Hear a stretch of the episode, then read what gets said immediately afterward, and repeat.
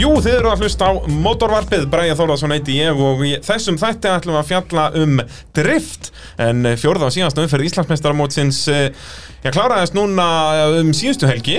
Já. og uh, þá er minn maður Kristinn Snær Sigurðsson mættur í stúdíóið Hvað segirðu gott hinni minn? Herru, ég segi fínt bara Er það ekki? Jú, jú, jú. Það er hérna, við náttúrulega tölum síðast um driftið bara eftir bíladaga já, það komið svolítið síðan við tölum saman og, og hérna, það er búin að vera tvær keppni síðan Já, þannig að það er komið tími til að við þurfum að, að, að hérna, ræða um driftið Já, já, við þurfum bara að hi- hysja um- hysja upp um okkur Eh, Nákvæmlega, nákvæmlega. Þetta er allt saman í Nova Sirius stúdíói podcastaðurinnar að sjálfsögðu í bóði AB varahluta bíla.sins, bíljöfurs, tekjaflutninga Norðurlands og Ólís.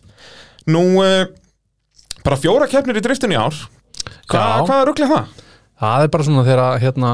þegar það er svona ákveðin þróun í gangi að það er svona mannaskipti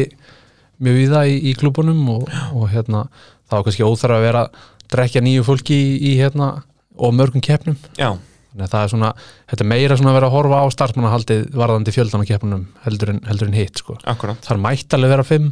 en, en eins og í okkar tilfelli að þá, þá hugsaum við frekar taka bara tvær, tvær keppnir og, og hérna, láta það gott heita og sjá hvernig það myndi, myndi koma út. Já, þið náttúrulega í AIH helduð tvær, 50% af mótinu í rauninni. Já, Það er náttúrulega verið skemmtilegra bara ef allir klúpar myndu halda tvær í rauninni. Ef KK myndu taka tvær og BIA myndu taka tvær. Já, það er svona svolítið skipta skoðanin á því því að Ok. eins og með Akureyri allavega að, að þetta er náttúrulega, þetta er dýrt að að, hérna, fara tvisar norður og, og hérna, handla mikið að keppendum hérna, úr bænum og, og á Suðurlandri þannig að, þannig að hérna, það er svona, já, það voru skipta skoðanir varandi sko keppinnar en, en svo er aftur á móti annar mál að, að halda svona leikdaga og svona dótari Já. fyrir norðan sko Akkurat. það verðist vera meiri, meiri svona áhugi fyrir því sko að þá líka er ekki jafn mikið pressa bara að þú verður að fara norður sko Akkurat, akkurat, heldur bara svona ef þú hefur áhuga að- Já, að já. koma og það náttúrulega það, yfirleitt í driftinu eru það einmitt leikdagarnar og æfingarnar sem eru, já, liggu við vinsætliðin keppnar Já, það er, þeir eru það eiginlega því að, því að sko eh, driftsporti er svolítið þannig að, að hérna, það er, það er þú náttúrulega keiri meira á æfingum Já. svona áleiktum og svoleiðis og náttúrulega líka bara eins og fyrir áhörendur og það er alltaf, þú veist, allavega tveirbilar breytin ef ekki fleiri Já, já, akkurat og, og einmitt, þetta er svona allt svona frjálsleira sko og, og yfirleitt bara meira aksjón sko af því að náttúrulega í keppnum eru kannski bara 5 beigur eða 35 beigur og, og hérna, en hitt þá ertu bara að keira heila braut og,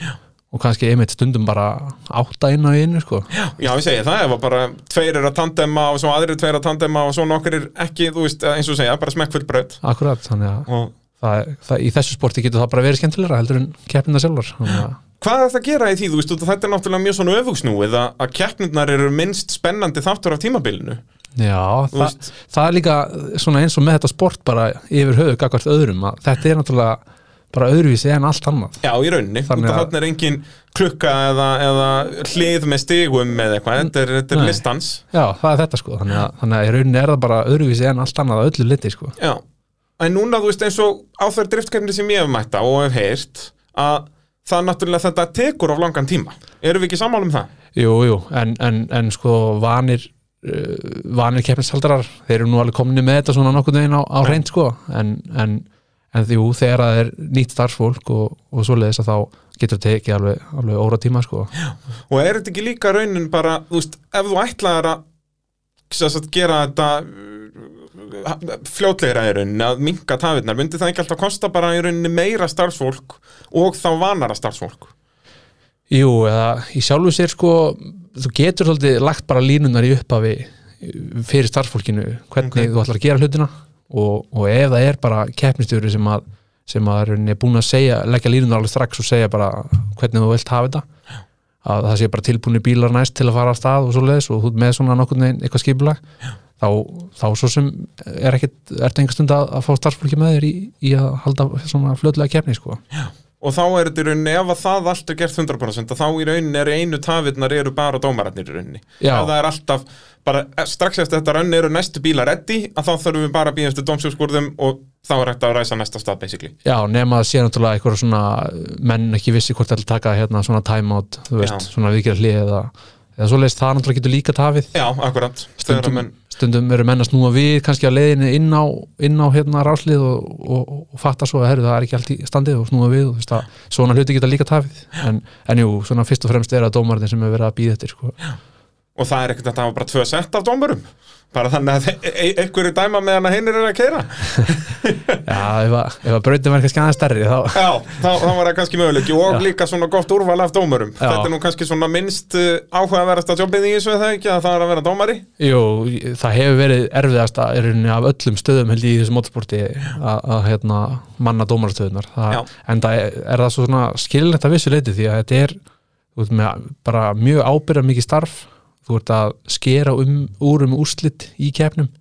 og ekkert annað en, en þú Já, og í Nei. svona, þú veist, litlu sporti, þú þekkir alla Já, Skilurðu, það er alltaf, þú mynd alltaf þurfa að vera leiðilegur við einhvern vinðinn, leikur við, skilurðu Já, það er nánast þannig þannig að, þannig að þetta, er, þetta er ekki eftir svona verð staða en, en ég er samt ég, hérna, hvet fólk til þess, að, til þess að kynna sér þetta ef það hefur áhugað að dæma að hérna, setja námskeið hjá Akís og,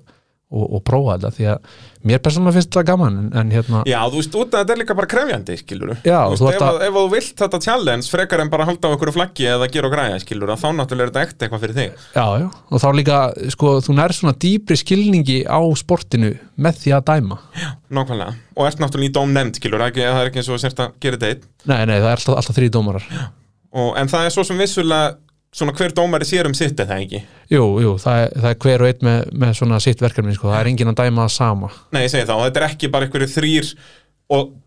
þeir dæma allir í öllum sem sagt kategórium eða þannig heldur er bara, einn bara að sjá um Er þetta með Já. hvert svæði eða með, þú veist, það er eitt sem bara sér um stílinn eða hvernig já, er þetta það, skipt? þess, að- með stílinn og, Já, já. og svoleiðis og svo þú veist eitt gráðuna bara með, já, já, og, eitt bara um gráðu og, og jæri, jæri, jæri já, já. þannig að þetta er samt alveg svona en eins og ég segi, ég held að að vera dómari í drifti eða torfæru er svona mest svona challenging stöður að vera í, í sem starfmaður í íslensku motorsporti held ég já, að að því að líka sko að það er yfirleitt þannig að mjög oft er að, að það er svona þokkala margir sem er ekki endilega sammálaðir sko. Já.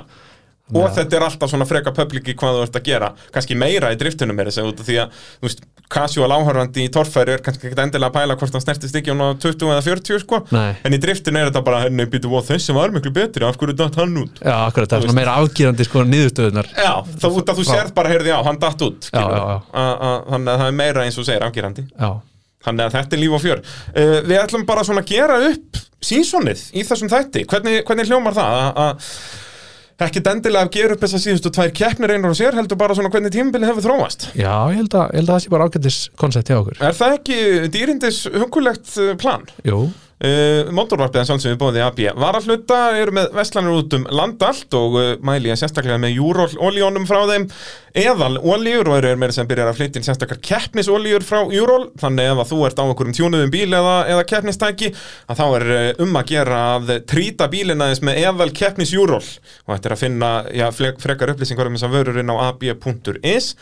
Uh, nú eða bara Facebookar síðu AB og ég held meira að segja Júról á Íslandi það komið sér Facebook meira að segja þannig að þetta er eintóm hamingja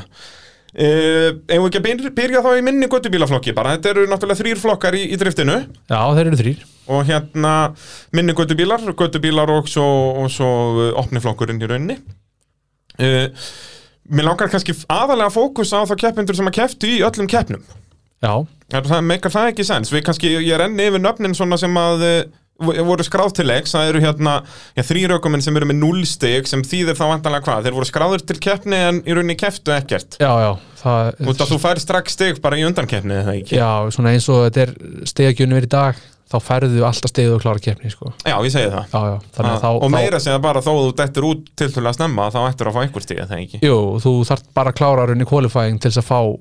Einhver stig á, í hús. já, svona yfirleitt Já, maður sér það, þú veist, eins og það er alveg fólk hérna að fá kannski fjögur stig úr keppni sem er það vantarlega einhver þegar þið bila í hátteginu bílarnir líku við. Já, það, það var það þannig Eh, En hérna stigalausir eru Hafsteinn Þorberg Þorvaldsson, Daniel Smáru Jakobsson og Guðmundur Axel Sverrisson Svo kefti hérna í eh, einni keppni þá voru Birgir Jóhann Þorstensson Gunnar Yngvi Rúnarsson og Páll Solberg Eggertsson og svo hérna í tveimur keppnum eh, Dominik Lesiak eh, Skúli Ragnars kefti í þremur keppnum en svo á undan honum þó hann kefti bara í tveimur keppnum Hafliði Harðarsson En eh, já, það voru bara sex keppendur sem að keftu í öllum keppnum í minni guttibílaflokki Já, og þetta finnst mér vera svolítið svona meira í driftinu heldur en öðru motorsporti og kannski sérstaklega í gödubílaflokkunum í driftinu að keppendur eru í rauninni ekki að keppa heilt tímabil já, það er kannski, já, eins og þú segir, meira í þessum göttubílflokkum því að Já, út af því þetta að- eru vissulega gödubílar Já, það má ekki gleyma því að þetta eru göttubílar og, og, og sumir að sem nota þessi bíla jafnvel bara í vinnuna og, Já. og svoleiðis, þannig að þannig að það er svona já, það er svona minni svona einhvern veginn pressa á þér að- að að vera heilt tímabil og svoleiðis og kannski ekki með neitt spons eða neitt já, já, og Þannig að- bara að reyna að retta servis og eitthvað, þetta er bara Já, vesen, sko. að svona, það er faktisk séð ekki tannilega sér undir kannski ekki dýnetni bara til um titil eða neitt þannig að Þetta er menn- svona meira casual bara, já, menn kannski mæta bara ef þeir hafa tíma eða áhuga eða, eða pening eða hvernig það er ég segja það, sko, og mæta síðan kannski á eitthvað æfingar og eitthvað bóldaga og, og, og síðan kannski einu og eina keppni og eitthvað, þetta er svona, já, meira casual, allavega í þessum göttubílanflokkum, já, já, en síðan sér maður eins og í opnaflokknum og þar eru nú, hvað ég held, 70% keppenda sem að kefta allar keppnir, þannig að þar er þetta öðruvísur náttúrulega, út af þar ertu með bara keppnistæki, já, já, það eru alltaf orðnar svona mikla græður og, og miklu peningar undir þannig að hérna, það er ekkit óðurlegt að menn mæti, mæti þar já, nýta tæki, fyrir fyrst það eru nú bara fjóra keppnir, já, En þá í sjötta senti í Íslandsmóndunum var Telma Rut Hafþórsdóttir eh, á s- hennar fyrsta tímbili já, já, á Lexnu- Lexus hún er Lexus í stöðundruð og, og hérna og þetta er bara flott hjá henni að hérna, frumraun hjá stelpu í, í driftu í Íslandi Já. að keppa í, í hérna, Íslandsmestramótinu Akkurat þannig að það er bara, bara flott hjá henni og hún, hún stefnir á einhver úrbætur fyrir, fyrir næsta sísón og allar að vera með þá þannig að það er bara jákvæmt Já það ekki, hún náttúrulega, þetta þróast ágætlega hjá henni tímbilið í sem sagt fyrstu þremur keppnunum sem var sem sagt AIH-brautin, bíladagar og svo kvartmýlubrautin að þá er hún dettur hún alltaf út í áttamann úrslitum, er það ekki? Jú, En svo í síðustu keppnuna þá kemst hún í hvað undan úrslit? uh, býtum við Var það ekki rétt hjá mér? Hún er með 86 til hérna, þýðir það ekki að hún ætti að vera í fjóramann úrslitum? uh, hvað býtum við, ég er að rifja þetta aðeins upp hún sjá, Nei, uh, nei það- hún, hún fór nú ekki Nei, heyrðu, ég er að fara línuvilt já, já, hún fór ekki Nei, hún var aftur í áttamann úrslitum já, já, ég, ég, hún lenda á móti Fabian sko í síðustu kefni Já, sem er ákveðin skellur já, það er svona, ég held að vera ekkert mikið verra í þeim flokki sko. Nei, og hún náttúrulega eins og segi, ég var að fara á línuvilt hérna hún uh, f- kemur líka stiga laus út úr, út úr kákakeppni, bara með fjögur stig þar Já. Var það þá eitthvað bílir í á leggsausnum með það? Já, gott ef ekki að það hvort að, hvort að hún dróð sér bara til hlés því að uh, hvort að bí- bíllinn var bara ekki nú öflugur fyrir brautina eða eitthvað líka Já, þetta, eitthvað svo leiðis já, þetta var eitthvað svona, eitthvað, eitthvað piklist þannig að, þannig að hún dróð sér held ég bara Þetta, eh, hvað er þessi Lexus, eh, þetta er bara orginal en Lexus í Já, rauninni. ég held að þetta sé bara 150 hestöflu eða Já, eða bara- eitthvað Ég- bara spurning að vera á lélugum dekkjum basically, sem þetta spóla eitthvað Já, svolítið svolítið sko Það er eina vitið Já. uh, Sigmar Freyr Halldórsson á BFF, er hann ekki á F46? Jú, að það var hann sem ég voru að tala um áðan sem að sem stettur út í áttamannáðslitum í fyrstu þremur, kemst svo í und undanúslit já, núna síðast. akkurat, tappa sér Þannig að það er, þetta er rétt þróun, sko, Já. alltaf að bæta sig. Já, þarna, þarna sem sagt, hann síndi að líka svona í fyrstu keppnum að að, hérna, hann átti alveg átti alveg hérna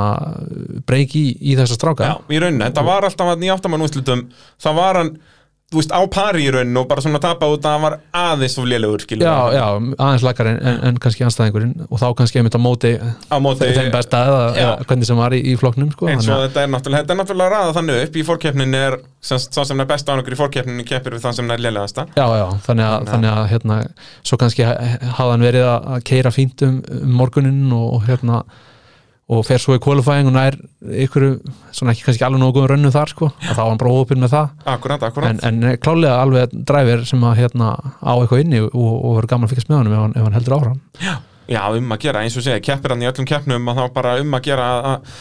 já, setja allt í þetta á næsta ári og það er náttúrulega líka skemmtilega að við minnum göttibílaflokkin að þarna er bara kvóti af keppnum sem má keppa í og ef þú ert meistari máttu ekki með þetta aftur Já, sem sagt topp þrýr í Já, Íslandmótinu það er alveg topp þrýr já, þeir bara fara upp í næsta flokk sko, það er Þarna bara, eins og þá fyrir sigumara, þá er þetta í rauninni bara er í rauninni bara eitt sem var fyrir ofan hann í Íslandsmótur núna sem að ver- getur keppt á næsta ári, skilur Já, já, En hvað, er þetta síðan sjö keppnir eða? Hvað var kvótin? Manstu það? Eða átta, Eh, já, eða níu? sjö eða á, þetta er svona átta kemnir Já, þá er akkurat bara ef það eru fjóra kemnir næsta ári þá er hann, er hann hérna, getur hann klárað það sísón það voru átta kemnir einmitt og, og, og hérna uh, þetta náði sem sagt, þetta snerist um það átta kemnir, að þegar þessi regla var þá voru held ég fimm keppnir Já. og þetta snerist um það að þú átt þér svona faktist ég ekki að vera lengur enn eitt tímanbill Já, en að því að, að því að menn stundum kannski taka bara eina keppni á einu sísoni og þetta svo að taka næsta þá er svona ósangjant akkurat, akkurat Þú fattar. Þetta er basically bara hann að þannig að þú eigir ekki að taka tvö full sísón já, já, já, akkurat Þannig að, að kannski að verður bara segum maður að skella sér upp í guttubílaflokkin já, svona sjáum til, eins og ég, hann allavega má ennþá al- alveg hérna Já, já taka næsta sísoni í þessu Og en þetta er alveg semst fastur, það er ekki þannig að þú meir klára síðan tímabilið út af þetta er í rauninni hannað, þú veist, segjum maður eins og að það væri fimm keppnir á næsta ári, það mætti hann ekki keppi síðustu. uh, keftan, er hann búin að keppa fjórar Já, segjum það, kannski er hann búin að keppa eitthvað áður, ég bara hreinlega þekki það ekki já, já, eins og ég segi, en, en uh, En þú veist, kvótin er alveg já, það er bara, Harður, það já. er bara átta keppnir Já, það, er bara akkurat. svoleiðis, það er bara reglunar já, Þannig að Sigmar þurft að vonast eftir fjórum keppnum á næsta ára ef hann ætlaði sér í minningundubílaflokkin já, ef hann, ef hann tók fjórar, ég er ekki alveg klárað hvort hann tók fjórar allavega á þessu ári Hann tók fjórar á þessu ári Mm. hann tók fjórar á þessu ári, já, já, Það er hérna, nú erum við í rauninni komin í þá sem að keftu allar keppnir Þannig Já, já, já, að akkurat. það er hérna, allir hér eftir keftu, keftu fjórar já, Nú, uh, í fymta, nei, í fjórða sæti í Íslandsmóndunni, Sigmar var þarna í fymta sæti Í fjórða sæti og þá uh, ég, bestu ökumæðurinn sem má halda áfram á næsta ári, ef við getum orðað það þannig að það er Sindri Már Ingimarsson á, uh, hann er á M3 bílnum eða ekki, Silvra jú, jú, hvítum hvítum já, akkurat og hérna það er svona einkennilegt tímabila hans því að hann byrjaði í bara var hann ekki í öðru sæti í fyrstu keppni jú, og síðan hefur þetta farið niður á við bara já, rauninni lélegast árangurinn kemur í, í síðustu keppni já, ég svona skil það ekki Þeir eru svona, öfugt við Sindra já, það er svona með það er búist við meira á hann með fyrstu keppnina ö- öfugt við Sigmar segi ég. já, já, já, að hérna maður er búist við meira á honum en, en hérna, en maður veit svo sem aldrei að kannski hefur bara eitthvað komið upp á það er, það er ekki gott að segja og bara, kannski bara sett hann ómikla pressu á sig og meðan á hann öðrum, öðrum besta árangri í fyrstu keppni já, kannski vant að byrja á tónum Já, nákvæmlega, nákvæmlega Já, Við tölum nú svolítið um hennan M3 hjánum og þetta er geggjaða bíl Já. þegar við vorum minna síðast að svona hvaða breytingar þurfti helst að gera á honum að hann náttúrulega er ennþá bara með parka handbremsuðu það ekki jú, allavega svona síðast ég vissi að þá var ekki hann að koma við okkur hambra sinni en þá Já. að, sem er nú svolítið krúsjál atrið í, í driftinu að hafa já, svona orðið í dag orðið svolítið svona verður að hafa allavega svona eins og ef hann myndi fara í göttubílaflokkinu næsta ári þá myndi hann, myndi hann þurfa já, alveg klálega Eitthvað. En það ekki? jú, alveg klálega og kannski líka eins og við tölum um að fá sæti í hann Er það Já, ekki já. líka svolítið krúsjál atrið í driftinu að vera fastur í bílum? jú, það er svona allavega mitt mat Já. ég veit ekki hvort það endurspegli mat þjóðarinnar Nei, nei. en, en, en mitt mat er allavega að það er svona það er mjög gott að vera mjög fastur í bílum það Já, er, frekar en að vera danglandi í leðrinu þarna, löðrandi léttur já, já, En uh, Sindri á flottur hánakur hjónum, fjórða sætið og, og já, hann mætti þá alltaf áfram minningut í bílaflokkja næsta ári ef, að- ef honum langar það. já, vel gert á honum Algjörlega. Uh, svo í þriðja sæti á eðal Ford Pickup. Já, Það er okkar maður Kjartan Tryggvason. það er komaður frá Akureyri Já, og hérna, hann náttúrulega var bara, já, störlaður á þessu tímabili, er þarna í hvað þriðja sæti í fyrstu kemni, svo í öðru uh, á bíladögum, aftur í öðru á, í KK kemni. Já, En svo nær hann bara 73 stugum hérna í AIH-keppni síðast. Var hann þá, datt hann þá út í fjögra manna úrslutum með það ekki? Uh, og tapar þá þá- vantarlega... Nei, hann bilaði ekki, hún bíl. jú, málið var það, hann bilaði bílinn í, í, bara í byrjun keppninar Alveg rétt. Það er málið, þannig að hann dettur út í áttamann og úslutum sko. Já, alveg, en hann stóð sér svo vel þá í forkeppni Í og fær forkeppni. 73 stug, já. Já, já. Akkurat. Þannig að hérna, það var svona svolítið græll, hann var annar í, í fórkeppni Já, akkurat, og bara uh, leit vel út hjá honum. Já, þetta, Mm. þetta lofaði góðu en, en svo er það bara einhver þa- þessi faktor sko, að bíllinn getur klikkað sko. Já. Þannig að það er En þetta var nefnilega alveg grátlegt því að hann var náttúrulega í bullandi slag við eh, Fabian um titil. Já, og átti alveg möguleika á titli þannig að, þannig að þetta er frekar, frekar leðilegt Já, heldur betur að hérna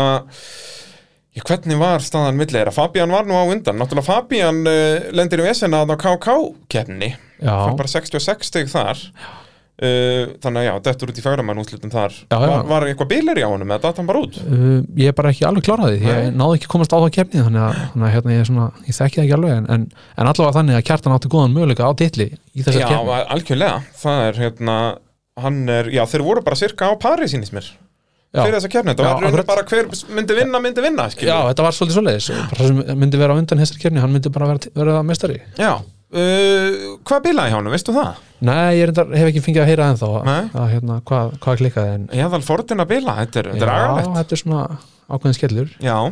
og hann er hann að þriðansandi í Íslandsmótinu og, og er því ekki gjálgengur í flokkinu næsta ári en hann er líka búin að keppa það marga keppnir er það ekki, hann Jú, er jú. eiginlega alveg að búin að fylla í kvontan hann hefur náttúrulega keft áður líka hvort það var ekki tvisvar bíladöfum eða eitthvað líka sko, Já. tvö ár á undan þannig að, þannig að hann, hann á alveg erindi í næsta flokk Já, en það ekki, og Jú, jú. þessi pick-up væri bara geggjaður í göttubíla Já, ég menna, þetta er, þetta er orðin bara hérna, samkynnsæðu bíl, það er bara ekki dörfísi Hann er líka búin að gera, það hefur líka tekið sinn tíma að gera hann samkynnisæfan, þetta er náttúrulega Já, eins, eins ónáttúrulegt í drift og mögulega hægt er, en, en já, hann er búin að vinna mikið í bílum Já, já, og, og hérna og fekk góðan sponsor hérna hjá tækjaflutningu Norrlands þannig Já, að- okkar maður á vettvangi, sko já, já, okkar maður ha, ha, Hérna, Það er Ah, Gulli fokkin turbo Gulli hann- fokking turbo, sko Já, það er Okkar svoleiðis. maður á vettvangi Já, það er náttúrulega besti sponsor að hafa Já, það er svona allavega með betri hemmið tjálta Já, 100%, 100%. Já. Eh, Þannig já, Kjartan er þriðasætti í eh, Íslandsmótinu og já, svo í fyrstu tveimur sætunum eru bræðurnir sem að koma inn í þetta með svona þvílíkum krafti Það er í öðru sætti, já, er eldri bróðurinn, hann verður að sætta sig að tapa fyrir þeim yngri Húbert Dorasinski uh, á Hungry BMF-inum Já, og uh, svo á hinnum, er þetta ekki bæði eða 30 bílar sem þeir eru á? jú, báður bá, bá eru 30 Já, með einhverju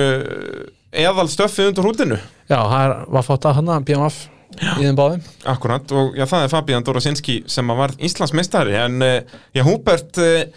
var að bæta sig jæmt á þétt og nær náttúrulega einum sigri á árinu og, og sem var á kákambröðinni mitt Já, það, hann er hann er ekkit, hann er ekkit lagri aukumæður Nei. en þetta snýst um bara dagsformið og, og hérna og með hvernig þetta fellur hverju sinni sko. það, ég segi, hann, er, hann er alls ekki lagri aukumæður Nei, alls ekki og, og já, þeir bræður hafa bara átt hennan minni guttubílaflokk í ár því að já, þeir hafa unnið á milli sín allar keppnar alla kjörfinar Fabian vann þrjár og, og Húbert eina já, já, þannig Þannig að að það, bara sturla það er svolítið, svolítið magnar árangur og, og, og eins segi Fabian 17 ára þannig að, Já, það er náttúrulega þessi árangur er bara, þetta er bara einhver besti árangur í motorsport sögu Íslands já ég held ég þóri bara fullir það að ég held að sé ekkit sem að er sambarlegt það er, ég held að ég geti staðfest það að hann er yngsti Íslandsmeistari ökumanna í motorsport á Íslandi já, var það ekki? fyrir utan náttúrulega úlingaflokka í, í þú Já, veist eins í og rallycrossi. rallycrossinu skilur Já, þar já. sem að náttúrulega automatist verða yngri en, en í flokki þar sem að þú getur keft við uh, allan aldur skilur Já, já. að- Þá, er, þá er þetta yngsti Eh, hann fekk náttúrulega bílprófa þarna bara korteri fyrir fyrstu kefni já, já Þannig að hann getur, hann getur ekkert verið mikið yngri að ef hann, þú veist, ætti afmæli í, í september þá náttúrulega hefði hann ekkert getað kæft þannig að Nei. þetta er bara heppilegt að hann átti afmæli hann í, hvað var það, mæi eða eitthvað? Já, og talandi um, um, um það hérna, varandi að, að- að hérna, hefði verið á setn að hérna, ég ammæli í september þá hérna það var smá svona insight skúp að, að hérna, það er í skoðun að, að eh, unglingar verið leifðir í drifti. Já, og hafa þá úlinga flokk þá eða? Nei, þá myndu þeir uh, fara í minni göttubjörflokkin Já, ok þess að verið gælgengi þar. Það þyrfti í raunin ekki að hafa pílpró í minningotibílum Nei, Það er náttúrulega eina vitið það er svona í skoðun það er ekki, ekki orðið 100% ennþá Nei, en, en, það er í vinslu. Það er allavega þessi hugmyndi komin á borðið Já, hún, Er, hún er á borðinu.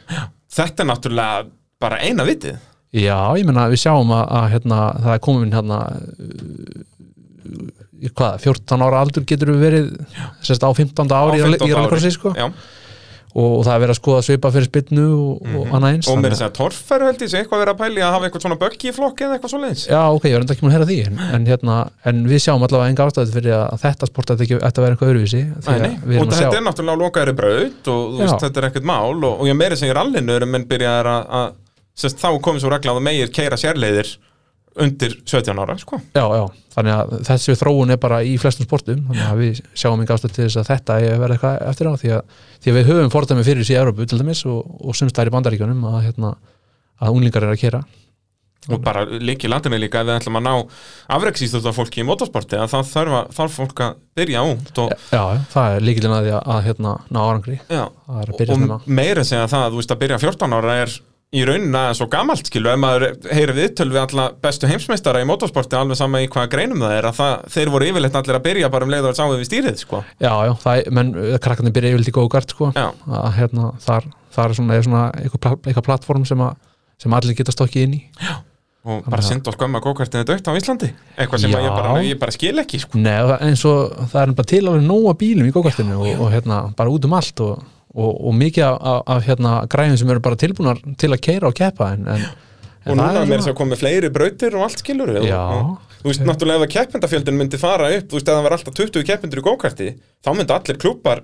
hó- bara fara að slást um það að halda gókartkeppnir skilur við. Já. þetta snýst allt um það, þú veist, klúpur hefur engan áhuga á að fara að plana ykkur að keppni þegar þú veist að mæta kannski 5-6 bílar einmitt, hvort það var bara eitt skráður eða eitthvað núna, Já, það núna er náttúrulega hefur ekki sko. verið keppt í gókarti á þessu ári sko. Nei, ekkert, ekkert keppt að þessu orði, ég held að þessi fyrst skipti mér þess að bara í Já, bara í ábygglega 20 árið eitthvað Já, það sem ekkert keft sko Þannig að þetta er svona ekki góð þróun í því sporti en, en Nei, það, og bara skrýntið út að eins og við segjum að þetta er byrjunareitur í öllum motorsporti, það er alltaf go-kart já, og, Sett motorsport á fjórum hjólum, sko já, já, að, hérna, það, þú ert ekki að vera með neinn neinn réttindi eða neitt til þess að fá að keppi eða keiri gókart sko Og þetta er bara pjúra, þetta er eins pjúra bíll og þú getur keirt í rauninni hvað var að hreyfingar og svona Já, skilur, já, þetta er þetta eins bara- basic og það verður bara kapastubíl, bara í, í, í hérna mingar útgáfi nákvæmlega, nákvæmlega, bara harðarlæst drif og slikkar, þetta getur ekki klikkað aftur þess og allt er bótt sko. allt í botn, en hérna talandi um þá bræður, Húbert og uh, Fabian eh, er það ekki rétt um mér að þeir byrjuðu að keppa bara í vor, hefur Húbert eitthvað keft fyrir það? Manstu það? uh, Korta Húbert kefti eitthvað í fyrra Jú, ég, með minn, allavega mætti hann á einhver æfingar Já, hann allavega, hann keiriði sko æfingar en ég er ekki alveg klárið hvort hann hafi keft Nei, ég man eftir þessum bílu upp á braut allavega Já, já. og hann var alltaf hérna, já, já en kann- nei, spurning hvort hann hafi eitthvað keft, ég er ekki viss með það ekki alveg klárið En Fabian náttúrulega keppa sitt fyrsta tímbil Já. með, glæ, með glæðin mitt aukuskirtinni og uh, vinnur fyrstu þ- tvær keppnar uh, fær bara 60-60 í KK-keppninni af einhverjum ástæðum Já. hvort hann var bara dettur út í áttamannúslutum með eitthvað bilir í eða eitthvað og uh, svo vinnur hann aftur á AIH-brötinni Já, bara, við bara óskomunum til hamingju með, með titilinn og Já, heldur betur og, og eins og bara ef, að- ef það er einhverjir uh, já, fyrirtæki eigendur að hlusta að, og eru að að leitast eftir aukumönnum til að styrkja á næstari þá er Fabian Dorosinski ansi ofalega á þeim lista að að mínum mati svona og ég fylgist nú með flest öllum átósparti á fjórum hjólum að að- já Fabian þetta er eins og ég segi þetta er bara stórkostlugur árangur og á hann líka bara virkilega gott sjátt í að vera axturhýttamaður ásins á mínum mati Já, ég, hann fer bara langt í það held ég og, og hérna, það, ég verið hissa ef hann verið ekki tilnæmdur Já allavega. ég segi það fyrir hönd drift sinns það kemur óvart ef að Fabian er ekki tilnefningin sko Já, Svo er spurning Það væri- með, með hvort hann vinni uh, allt að heila og þetta eins og ég segi, þessi árangur er bara það toppar þetta ekkert nei, ekki, ekki allavega ekki hinga til allavega. ekki hinga til í íslenskri motorsportsjóðu sko. uh, Nei, bara alls ekki sko þannig að en, en það er allavega þannig að hann fer hann í göttubílflokkinu næsta ári og, og hérna og það er búið að kaupa aðra vél hérna í bílinn og, ok, og hérna það er ég, hvort að það er búið Range Rover eða eitthvað já, eitthvað eðal, uh, eðal eitthvað dæmi, hérna Supertjart eitthvað getur ekki klikkað það getur ekki klikkað þannig eðal að eins hérna og verið í bíða vaffin Já, já, þannig að hérna hafa eitthvað, eitthvað, eitthvað párið og eitthvað, þannig að hann verður alveg bara skeinu hættur hann í, í göttubíluloknum næsta ári. já, já, Ég held það, að menn verða bara að fara að vara sig. ég held það ég, ég verið mest til að sjá hann bara beint í opnaflokkin sko. Já, ég, bara að, Já, ég veit reyndar ekkert hvort hann er ljófnflokkin beint sko, en það kef, þess að segja að er, hann, er veltubúr í bílum hjá honum uh, ég held ekki en það er bara ein helgi að skellinu svo leiðis í Já, já, eh, sko hann runni á alveg heima í opnflokknum opnflokknum, Já, sko, þú veist eins og ef ég væri hann þá myndi ég vilja reyna bara tekja öll bóksins eins fljótt og hægt er og reyna bara að meika það erlendi, sko, Já. að horfa eins út fyrir landstænuna, miða við þannan árangur þegar þú bara hoppar upp í bíl og strax með þetta að, þá myndi ég allavega hveitan til að, að, að horfa út fyrir landstænuna og reyna að fá okkur að styrki og tala við Akis og, og Já, eitthvað að prófa það að, að reyna Já. að gera eitthvað meir úr þessu við viljum bara hvetja hann í að, í að hérna skoða þessu hluti, þetta er alveg bara algjörlega og hérna Magnaður óskomunum, árangur. óskomunum góðskengis og, og eh, já, hvetjum við þá líka þá sem að eh, hafa eitthvað að segja um það eh, hver eru tilnæmdi til lagsirjóða mann ásins eh, með fullri virðingu fyrir öðrum Íslandsmeisturum í driftinu að þá eh, Já, myndi ég vilja sjá Fabian hann En Já, það er bara þetta að ég er fanboy já, já, Eins og heyrst hefur oft í þessum þáttum okkar já við, við hérna skoðum ekki að því Nei, nei, það er, ekki, ekki, það er líka bara ekki tækt Nei. uh, magnaðar árangur hjá honum uh, motorvarpið í bóði bíljöfurs uh, smiðivegi 34, uh, gulagatan þarna á smiðiveginum, alliða bifræðavestæði með BGS, gæðavottun bílgreina samband sem stöðum mínur herrar það er, það er ekki verið að skafa af því Uh, þeir gera samt sem allar tegundir bíla eins og þið þekkið uh, mæta vel en sér hafa sig í Jeep, Dodge og Chrysler og eru meira að segja með uh, já, varhluta vestlun fyrir þessar bíltegundir uh, þá eru það göttubílarnir sem við ætlum að fara okkur yfir í Já, Þar voru enn fleiri keppendur en þó færri sem að kepptu heilt tímabil já Sturlu staðrind það er svona skrítið því að yfirleitt er það, er það öfugt sko, að, að það eru færri í, í minnikötubilin sem, að- sem að keppa hérna, uh, já, bara eina eða tver keppnir Já, en það er náttúrulega bíladagarnir hafa svo mikið að segja þarna sko út að það var náttúrulega alveg svakalega mæting í flokkinu á bíladöfum já, og uh, já, þar, já, við rennum bara við nöfnun hann sem voru mættu bara á bíladagirun það eru Bjarki Reynis, uh, Björgun Freyr Leifsson, Friðmar Kári Eiríksson uh, Mikael Kújóð uh, Tómas Karl Benediktsson uh, Kristinn Kjartansson og Ómar Ingi Ómarsson uh, svo mætti í fyrstu keppnina Arnar Ingi Ólafsson og uh, í tvær keppnir Ragnar Freyr Ragnarsson í fyrstu tvær keppninar Bræi Örn Hilmarsson og uh, já, Atli Freyr stóð sér mjög vel á, á bíladögum uh, náðu þar 80 stigum en mætti bara á bíladaga og svo mætti, já, hann fannar Þór uh, F2, Já. hann mætti bara í síðustu keppnina já, stóð sér vel þar, fekk 84 stig uh, Svo er mætti bara á bílanda Kristján Arnar Gunnarsson, náði þar öðru sætinu, en mætti ekkert meir. Uh, Jökull Límir Guðmundsson mætti bara á bílandaga á KK og í fyrstu tvær keppnar mætti bara Ingólfur Þór Ævason. Skellur að sjá Ingó ekki meira, meira með. Já, náttúrulega hann bilaði hann að bílinn hjá honum og Já, bilaði hann ekki hvað í KK-keppninu eða hvað? Eða fyrir KK-keppnina? Ég sé að hann sko, hann var skráður í KK, hann er með núlstig þar. já, ég, ég veit ekki alveg hvað kom upp á þar en, en hérna, það var eitthvað bilir í og þannig að hérna, hann náði ekki að vera með Nei, það er skellur, út að hann Já. var að standa sig vel og bara uh, hefði alveg, alveg átt möguleika á, á tvilli. Já, já, hann var alveg kontenter í það þannig að, þannig að hérna, leiðild að hann skildi dætt út úr þessu Algjörlega. Uh, svo, já, fyrsta nafn og, já, í fymta senti í Íslandsmótinu kæfti allar keppnir, Hrafkjell Rúnarsson á uh, E36 Compact, eða ekki? Jú, Svona hérna með fólkenlúkið, eða ekki? Svona bleikur og blár, jú grjótharður. Já, já, hann, hann er hérna með þennan kompakt og, og hérna, og er náttúrulega nýliði Já, Það má ekki glemma því. hann hérna ákvaða að vera ekkert að vesa næst í minnum gotubílunum, heldur að fara beint í gotubílana. Já, hann var ekkert að flækja það Nei, og bara búin að standa sig mjög vel á, á þessu tímabili og, og á klálega hérna, framtíðina fyrir sér í þessu sporti já, ég myndi segja það, að, hérna, hælætið í honum var KK-keppnin, þar er hann í, hvað er þetta, annarsætið? Já, lendi hann ekki í öðru Jú, er það ekki, hann tapar bara úslita einu í einu við Arnór Erling og, Jú, og fær hann 98 stig Já. Uh, dettur út í áttamann úslitum held ég bæði í a, báðum AIH keppnunum uh, og svo lendir hann í vesenni á uh,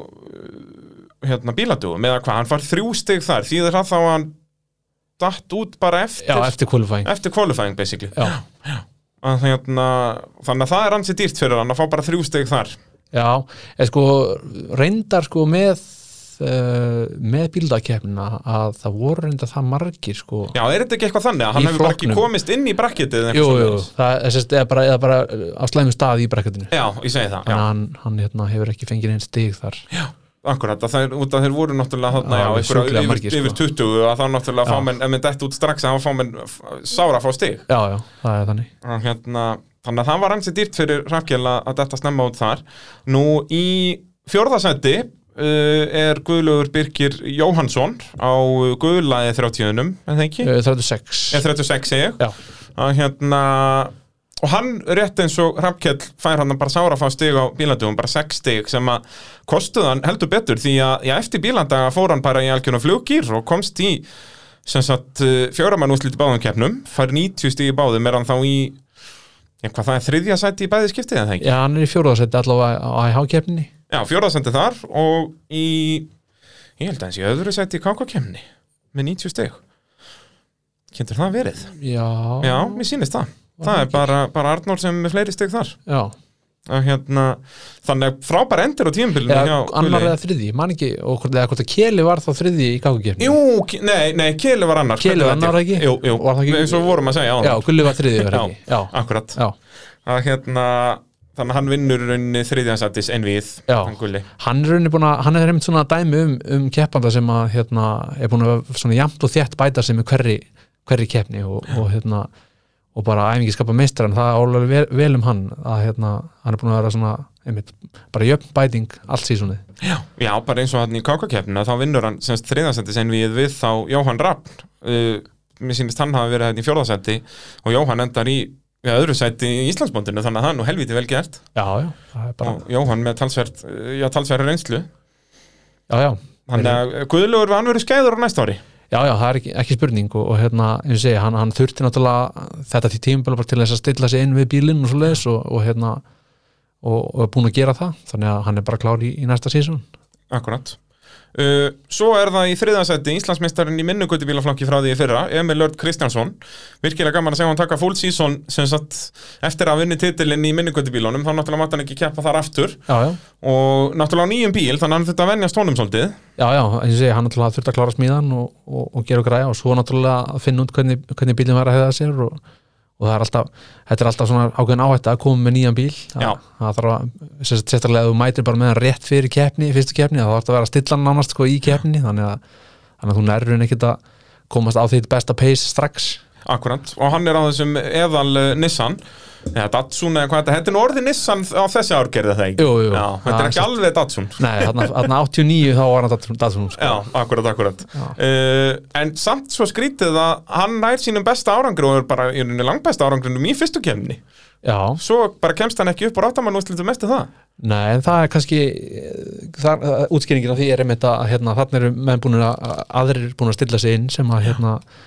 sem að eru fannir að vennast sínum bílum og, og þá er bara samkynnin bara harðari því að það, það eru margir góður aukumenn í þessum flokki Og akkurat þetta að- að sem sagt, Emil náttúrulega fyrir um Íslandsmeistar og er alveg með reynsluna þannig sem sagt, við vitum alveg að hann er góður ökumæður Já, já, það er ekki En- spurning Það eru þá hinir sem að ég mitt voru að bæta sig yfir tímabilið í rauninni Já, já, það er sem að svolítið- voru kannski að mæta í fyrsta skipti núna eða eitthvað svoleiðis að búið að keppa mjög lítið fyrir þetta Já, að að það var, já þeir voru að flækjast fyrir Emil þarna og uh, ég Emil verið að sætta sig við þriðja sætið en er þarna í, já hvað er hann ekki í þriðja sæti í fyrstu keppni, minnir það, tölum við ekki um það er uh, í, í fyrsta þættinum í, í jú, vor, jú, hann var þriði vinnur þriðja sæti sem við þar við uh, Ingo, já eða ekki, var ekki Ingo Jú, sem kefti það, Jú, að hérna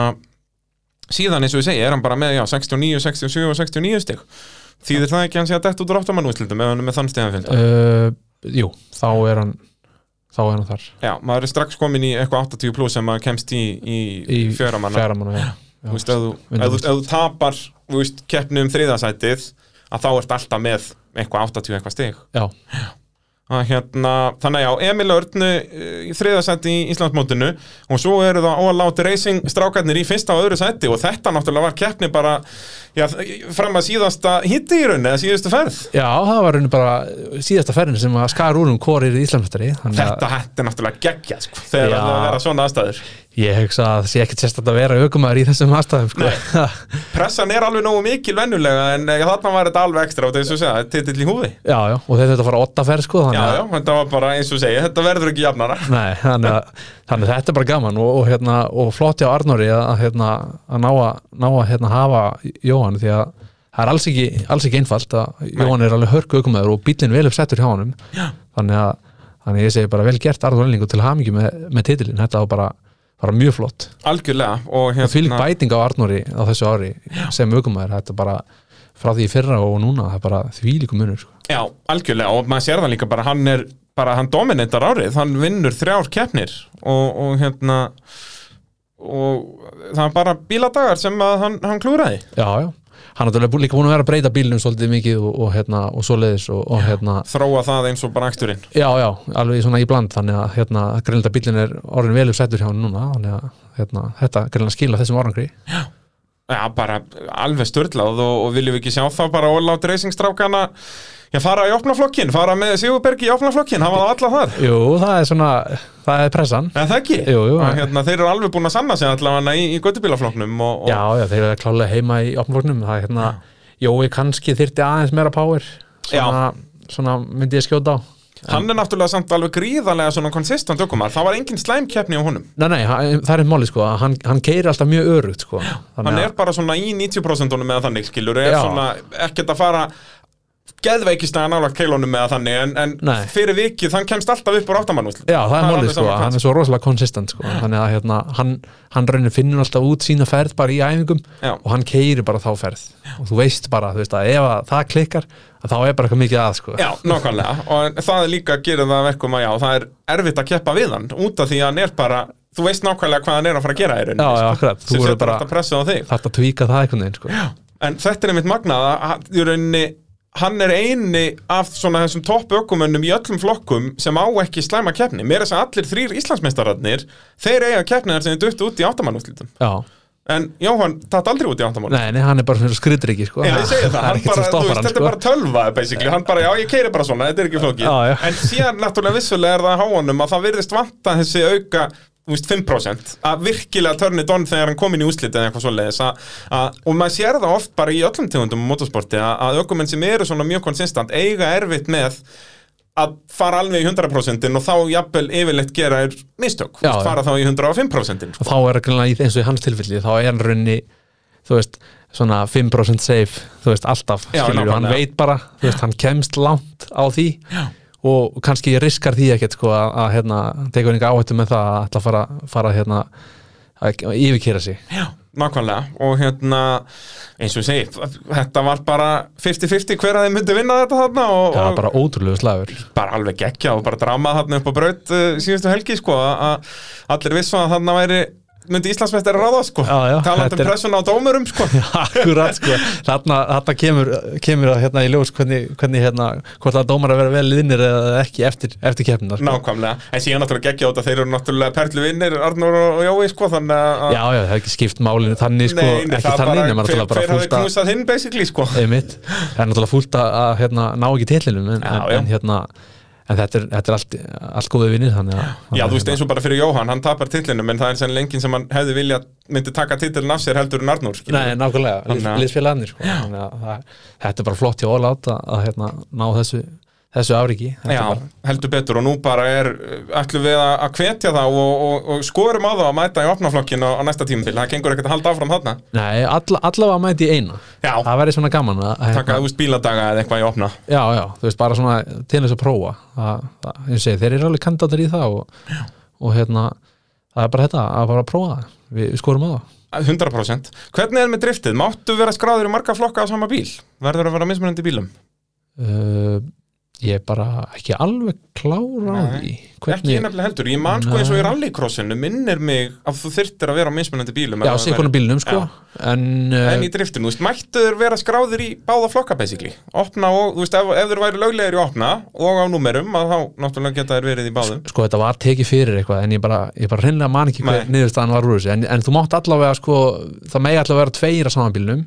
Já, já, það er svolítið Í sikkurum flokknum. Akkurat, já en, en ég er ekki alveg kláraði hvort, þú- hvort að þú meir vera á tveim bílum ég ég man ekki, allavega, það var, þetta var tekið fyrir en ég er búin Já, að glemja þú sko, þú hlýtur að mig að vera á tveimur mismunandi bílum í tveimur flokkum já, myndi ég halda. væntanlega Já. Já. En ég er ekki viss hvort þú meði vera á sama bílum Nei, líklega ekki sko. þannig að hérna en ég segi það, þetta var tekið fyrir á sín tíma það er bara svo langt síðan það var að Já, já, að ég var en búin að út af gleyma það væri nefnilega, þú veist, ef að það er banna þá myndi ég að hvetja já, þá sem er áðan þarna að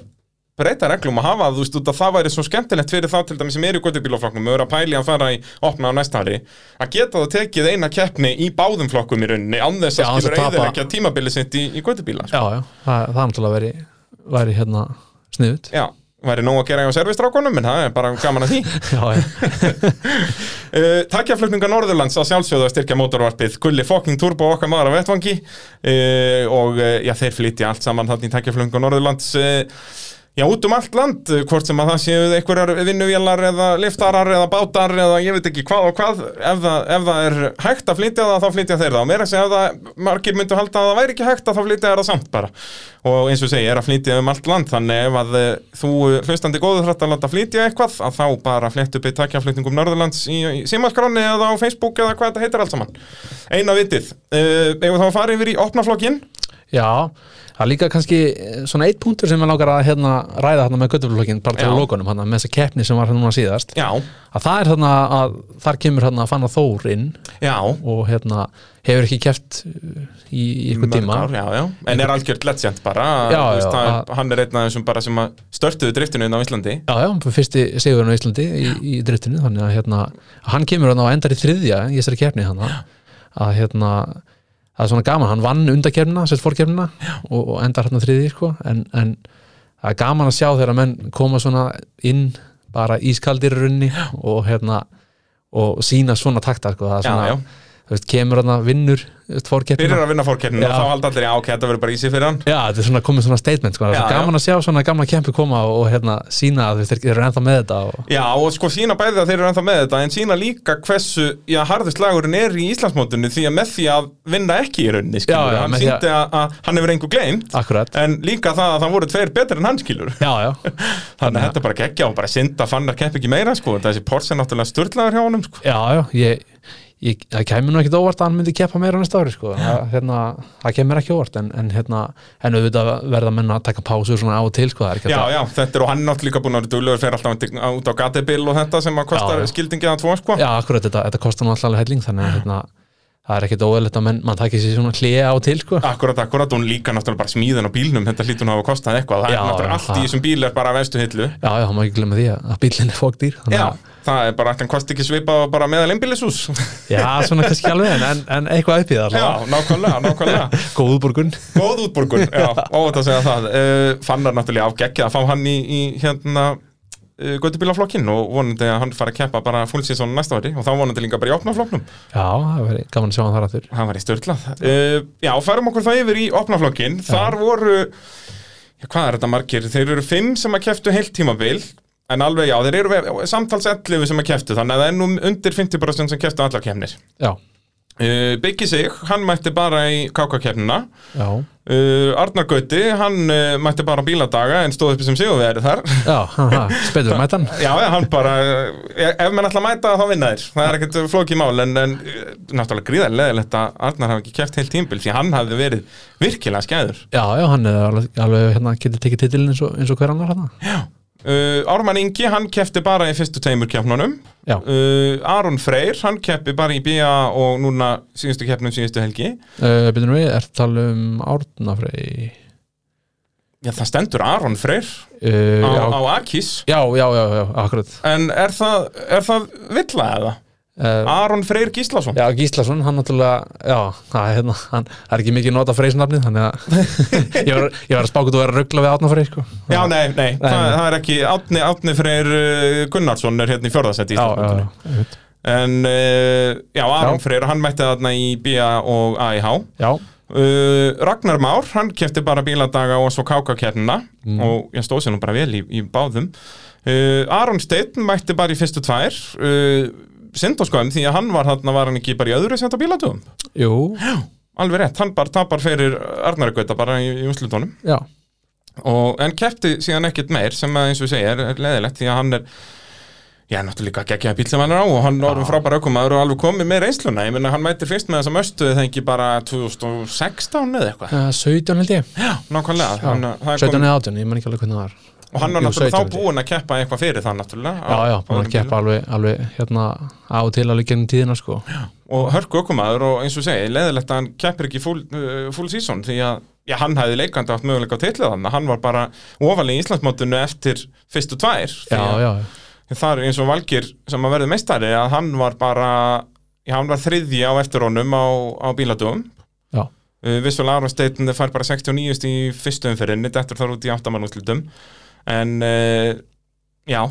leðilegt að hann keppir ekki síðustu tvær já, það hefur verið, hérna, gaman að sjá hvernig það hefði endað ef, ef hann hefur verið með, það... Já. Það er ekkert, ekkert víst endilega að Vangir hefði staðið upp sem, sem mestari ef hann hefur verið með, það er svona nákvæmlega, sko það er líka alltaf ekkert að, gaman að ekkert að pæla gera lítið skilur- úr Valgeri sko, Nei, en- nei, nei, nei, en bara pæla út að þetta er náttúrulega líka út að þetta er svona útsláttakefni að þá því meiri sem kam- samkeppnin verður því svona ódreiknarlega verði, verði úslitinn, skilur, þá geta menn allt í unni verið að dætt út úr áttamann úslitum bara út á lendir á móti Aroni eða Ragnari Má eða hverjum sem Já, er, skilurðu. akkurat sko, að það er hérna, sérstaklega í þessum flokki sko, Já. að, að það er flest allir orðin mjög góðir Já, þetta er allt reynslu boltarinninni, þeir eru allir búin að vera að keppa allavega þrjú tímabil, þú veist ef ekki meira Já, já, þannig að hérna, þú veist alveg að þegar þú ferði þennan flokk sko, að þá, þá þýðir ekkert að hérna,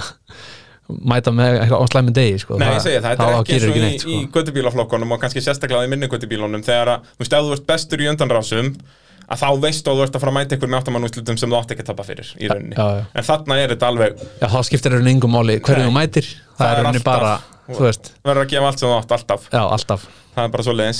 Nú í fymta sæti og uh, í rauninni með lakast árangur þeirra sem að keftu heilt tímabil var Sigurbergur Eiríksson á Kresitunni. Það er kreditann, Það er uh, All Out Racing, uh, All Out þeir voru í fyrsta og öðru sæti í, í göttubílunum en uh, fymta sæti í opna. já, það er hérna Ég, ég hefði viljað sjá Sigurberg öllítið herra Já, Ah, hann byrjaði nefnilega tímabilið verið, var hérna í þriðasætti í fyrstu kemni Já, og svo náttúrulega fær hann bara fjögur stig á, á bílátúum. Var það, hvað, þá bilaði hjá honum eða ekki? Mm. jú, það fór held í mótorinn hjá honum Alveg rétt, alveg rétt. Þannig að hérna, hann varð að,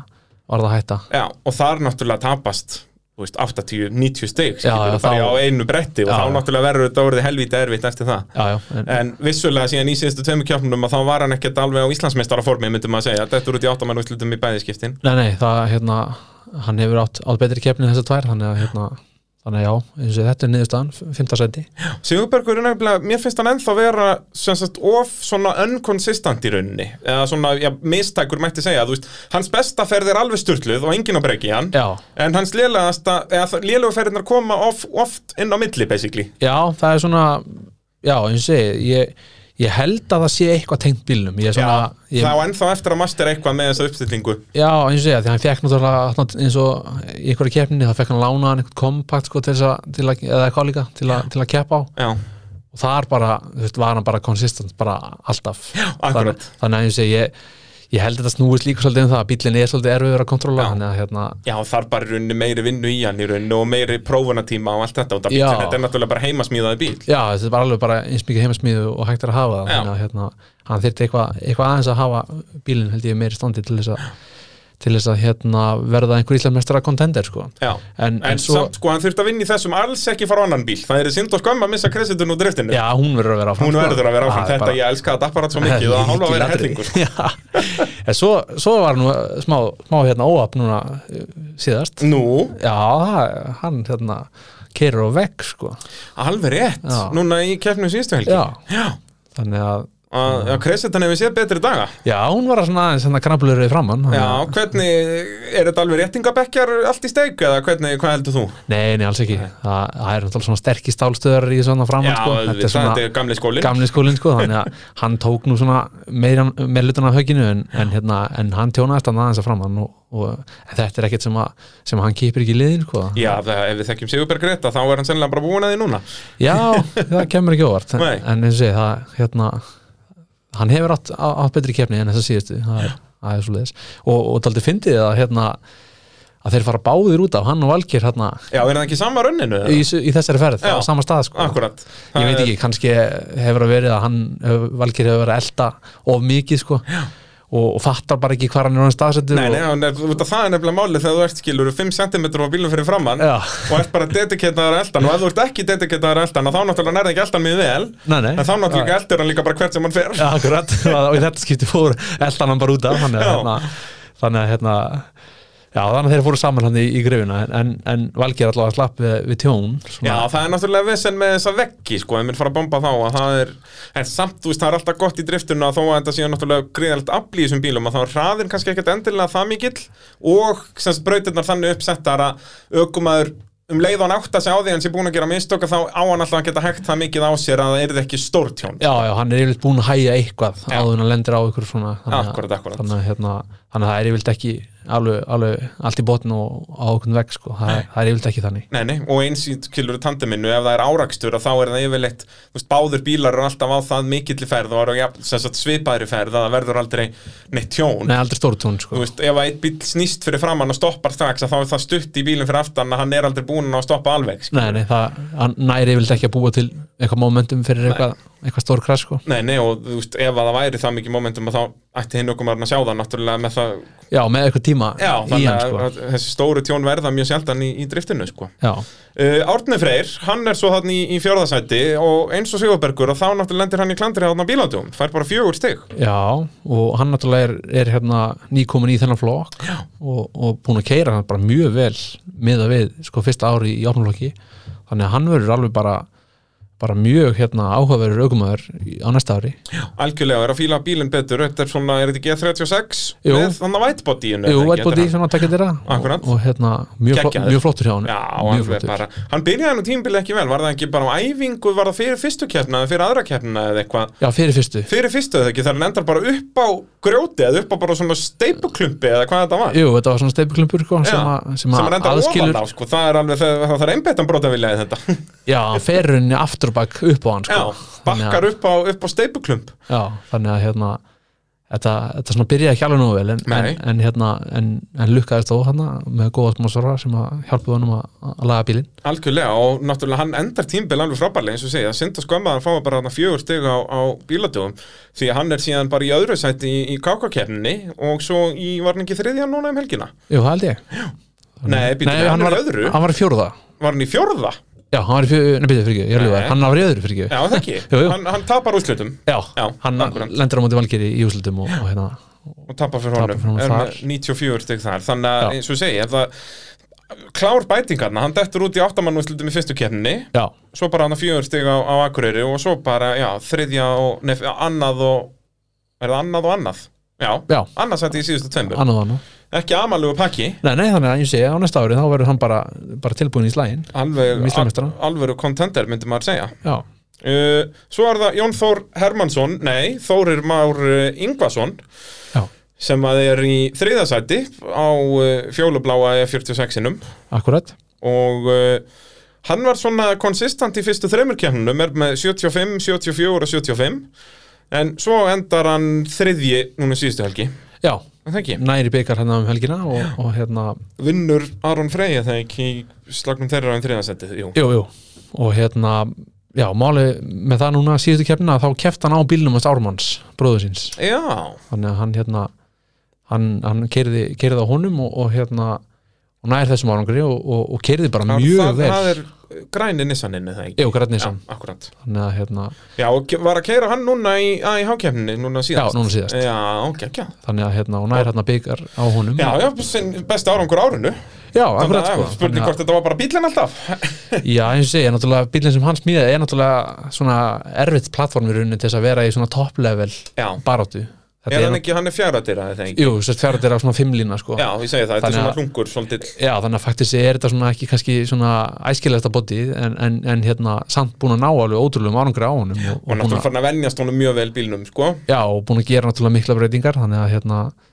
þannig að hann var farin að, farin að keira vel en, en þannig sjáum við alveg svart að kvitu að, að Þórir er, er góður aukumæður og, og hérna, Já, hann bara hoppar við annan bíl og fer strax á pall já, akkurat sko, það er sem ég segja að, hérna, það væri áhugavert að, að sjá ef að hann færi að þessum, þessum bíl sko, heilt síðan að sjá hvað hann er langt Því við vitum alveg til dæmis hvað þessi græni getur þannig að, Já, algjörlega, Ármann er búin að vera magnaður á honum já, já, bara við segja, og þeir líka, þeir voru búin að vera í einhverju brasi með, með grænabílin sko, að hérna,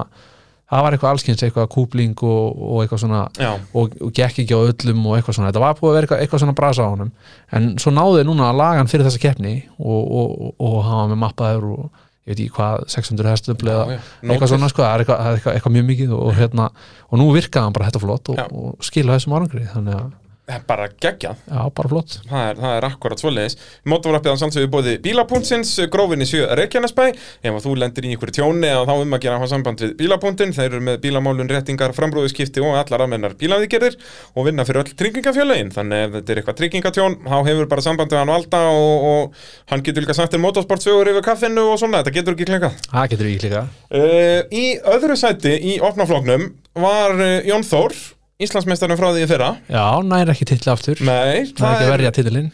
Og það gerist bara sára sjaldan í driftinu að aukumæðan er að verja titil já, það er Líka... líka Gott ef það hefur bara einhvern tíma gæst, ég er bara ekkert svo viss um jú, jú, Ari var það alltaf Jú, Aron gerði það nokkur ára, jú, það er Já, og ég man ekki hvort það var eitthvað annar sem að, sem að gerði það en, en, en Ég minnir að ég hefði skoðað þetta þegar ég tók viðtal við Jónþór síðast og Já. þá var það sem sagt, já, voru þeir var sára fáir sem náðu þessum árangri sko. Já, en þá náttúrulega mitt akkurat þá var bara eitt flokkur til þess að Arjón alltaf var að keppa þannig að, akkurat. Og þá oft skilur eins og bílættu og mættu bara 40 keppendur eða eitthvað, það var mun meiri svona samkeppni á köflum allavega já, þannig að hérna, þannig að já, eins og, eins og fyrirkomulega í dag, þá held ég að enginn hafi varið titil Já, gott ef ekki í þessum, þessum Eftir hann flokkasýstami hvað er, kemur þetta 2017 þetta flokkasýstem? sko. Já, 2017 að ég held að það getur reynilega verið rétt hjá þér það hefur enginn að verja titil síðan þá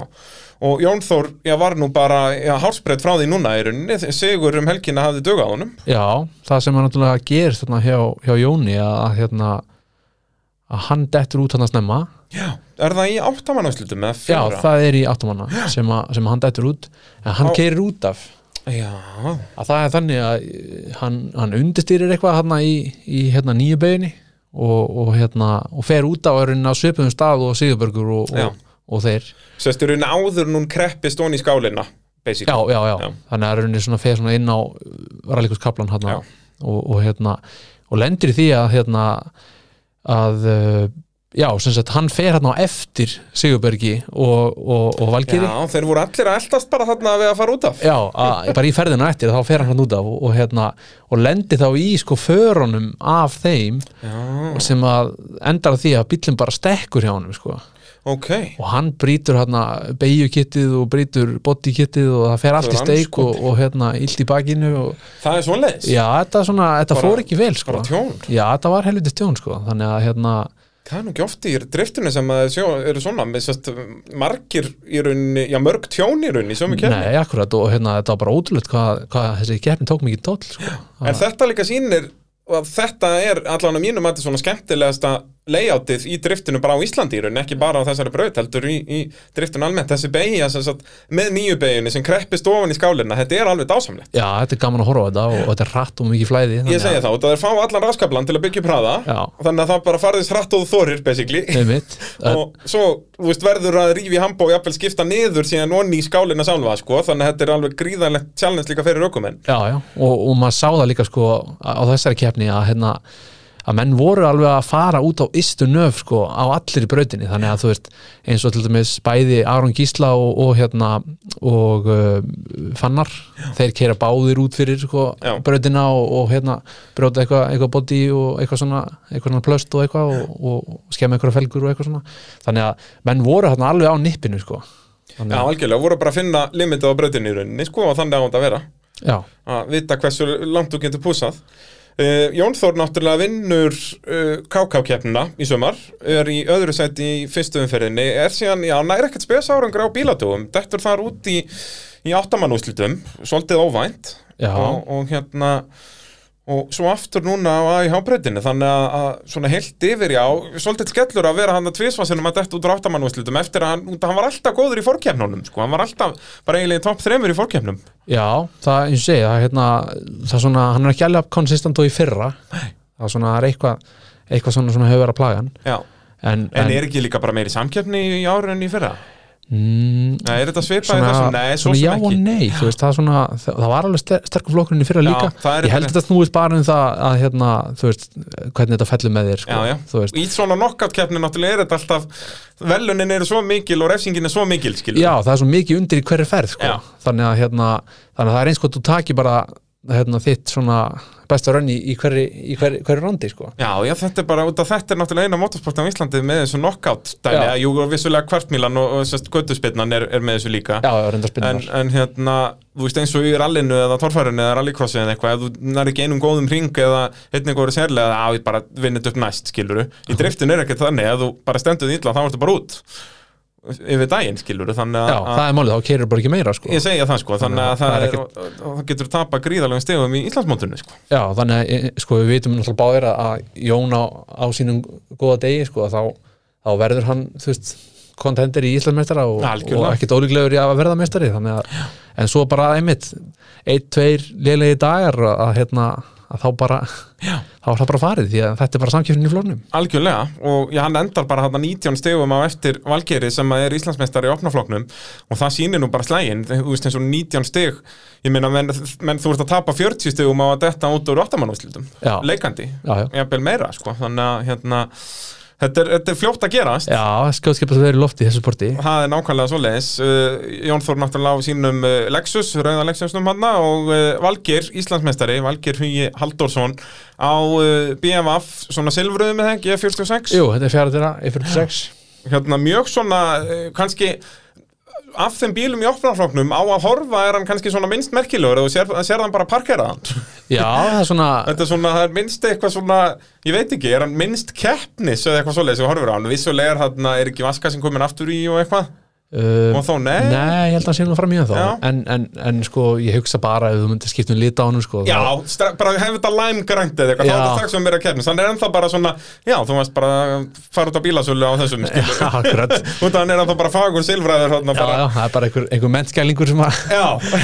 sem að er að nýta sér þetta í skólan sko. svona á að sjá sko, en, nákvæmlega, sko en, en ég segi bara, þú veist, annar lítur myndi nú alveg bara gjöra breyta þessu sko. En síðan náttúrulega bara um leið og heyri hljóðið í þessu og svona og sér þetta í brauta, þá breytist þetta líka mjög fljótt. Já, já, þá, þá ertu farin að spá í öru hlutum Já, og eh, já, magna tímbil hjá honum, eh, fyrsta sætið í báðum að í hákjæmnum, hann greinlega fílar brautina hjá ykkur. Já, hann er svolítið til í hana Já, Það það, hérna,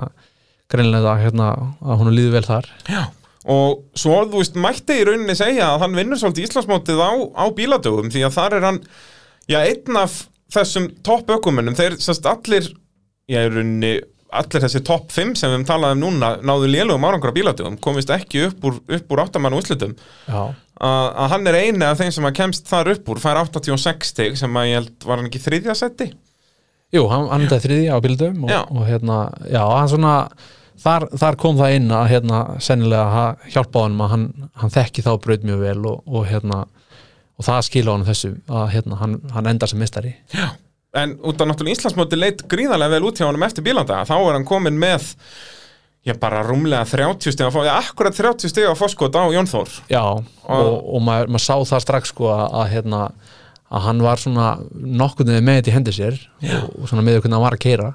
Já, eftir fyrstu tværkeppnar, svo náttúrulega já, gerist það á kákakeppnina að Jón Þór vinnur og Valgir dettur út í áttamannúslítur Já, já, það er svona og þar þá- um- tapar hann bara 40 stugum á einu bretti sko. Já, og maður svona eftir bíladaðana hugsa maður, já, ok, þú veist, hann svona hann er komin, komin langt með þetta Já, já. nákvæmlega sko en svo einmitt kemur þessi kákefni og það er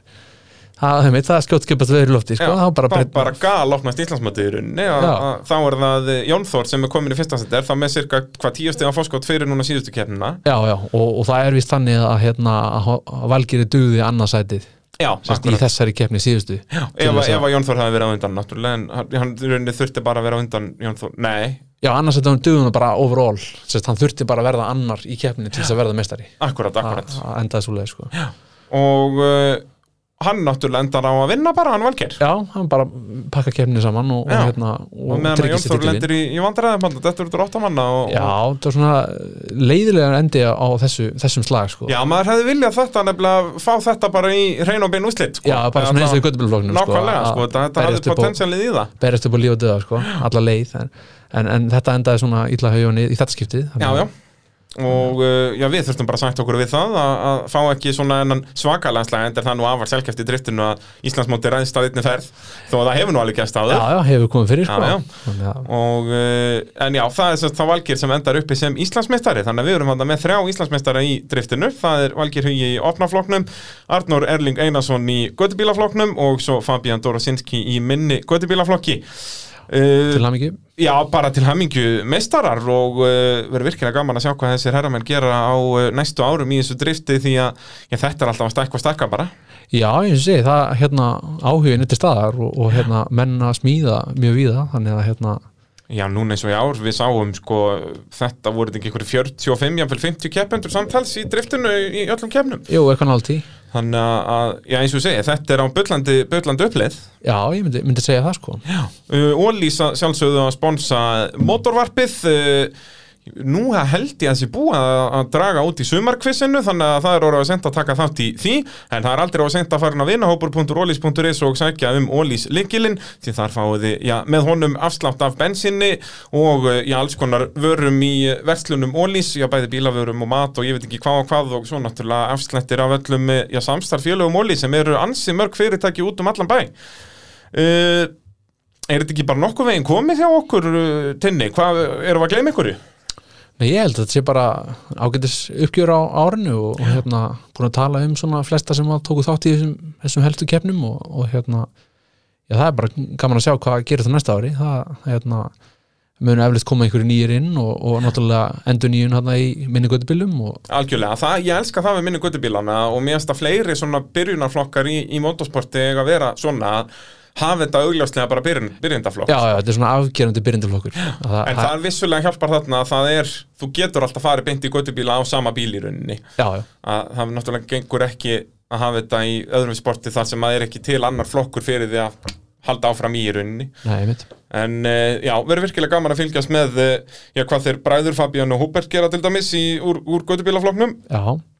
og uh, já, hvort að og lát strákarnir í göttubílafloknum fara yfir í opna já, það er svona komið svona pressa á menn Já, algjörlega og bara við verum spenntir að fylgjast með í vetur hvernig, uh, já, hvernig þetta þróast allt saman já,